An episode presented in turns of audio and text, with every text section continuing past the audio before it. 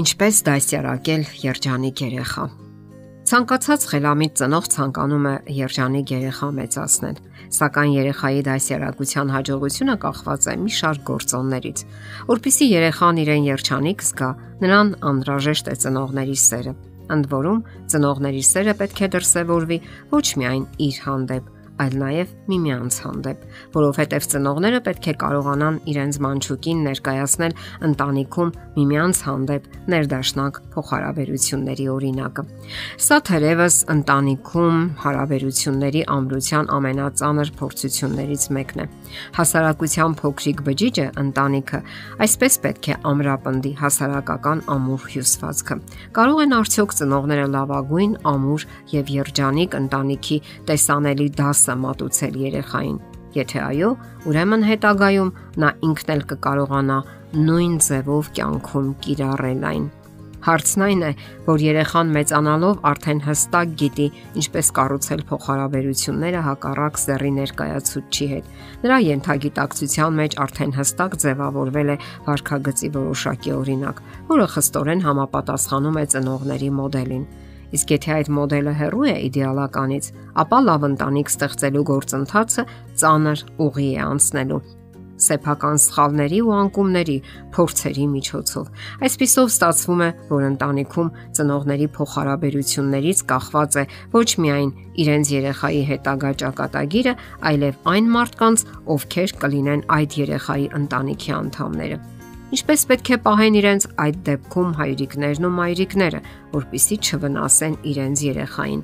Անկասկած է, որ արտաքին աշխարից յուրաքանչյուր ամուսնական զույգի կյանք են ներխուժում անկանխատեսելի հանգամանքներ։ Դրանք աշխատանքային սթրեսներն են, որոնց արդյունքում մեծահասակների մոտ կൂട്ടակված լարվածությունն ու անգամ չարությունը ազդում է մերձավորների հետ փոխհարաբերությունների վրա։ Դա նաև պատասխանատվության վերաբերյալ պատկերացումների տարբերությունն է ընտանիքում։ Գումարենք կենցաղային հիմնախնդիրները Գաղտնիք չէ, որ ամուսնական կյանքի հարուստ փորձառություն ունեցող մարդիկ պնդում են, որ սերը գուցե եւ չդիմանա կենցաղային դժվարություններին ու փորձություններին։ Դա հատկապես սուր է զգացվում երեխայի ծնվելուց հետո։ Եթե նախկինում կինը դիմանում էր կենցաղային դժվարություններին, օրինակ տնային անհարմարություններին, փչացած լվացքի մեքենային, վատ ջեռուցմանը, ապա երեխայի ծնվելուց հետո նա միանգամայն փոխվում է Այժմ նա գենետիկական մակարդակում զգում է, որ անհրաժեշտ է ստեղծել լավագույն պայմանները երեխայի կյանքի ապահովության ու հարմարավետության համար, եւ նա սկսում է ամուսնուց պահանջել, որ կարողանա ստեղծել առավելագույնը։ Սակայն հայրերը միանգամից չէ որ տեղավորվում են իրենց հայրական դերի մեջ։ Դա նաև աստիճանական գործընթաց է,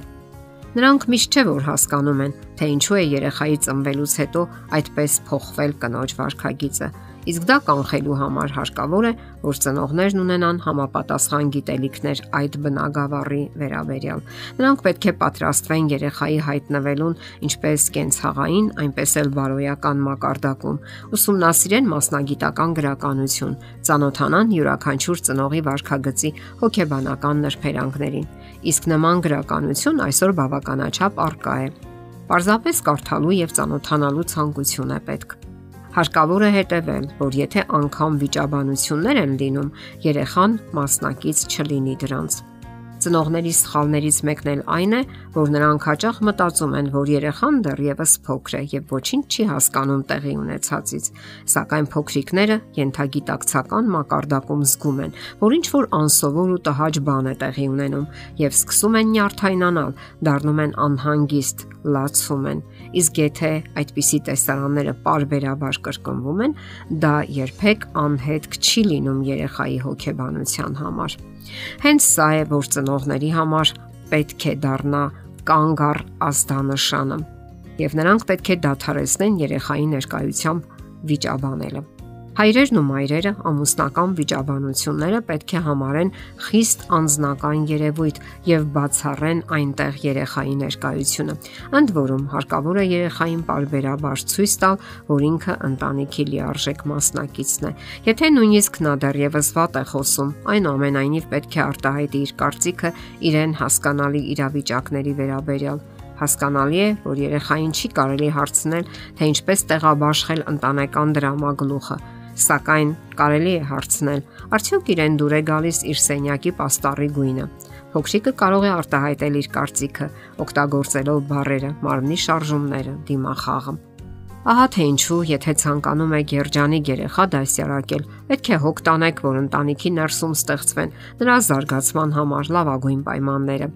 Իսկ դա հնարավոր է միայն այն դեպքում, եթե ընտանիքի բոլոր անդամների համար գլխավոր արժեքը սերն է, որովհետև հենց այդ զգացմունքը կարող է օգնել երեխային հաղթահարելու շրջապատող աշխարհի ցանկացած դժվարություն։ Սերն է, որ դառնում է բարոյական հենարան եւ պաշտպանություն հասարակական բազմաթիվ հիմնախնդիրների ժամանակ այն կոփում է երեխային, դարձնում ավելի ուժեղ եւ պատրաստ դիմագրավելու կյանքի բոլոր մարտահրավերներին։ Եվ ծնողները պարտավոր են ապահովել այդ հրաշալի դեղամիջոցը երեխայի համար։ Դե ինչ, եղեք երեխայի լավագույն հենարանն ու օրինակը։ Եթերում է ընտանիք հաղորդաշարը։ Հարցերի եւ առաջարկությունների համար զանգահարել 033 87 87 87 հեռախոսահամարով։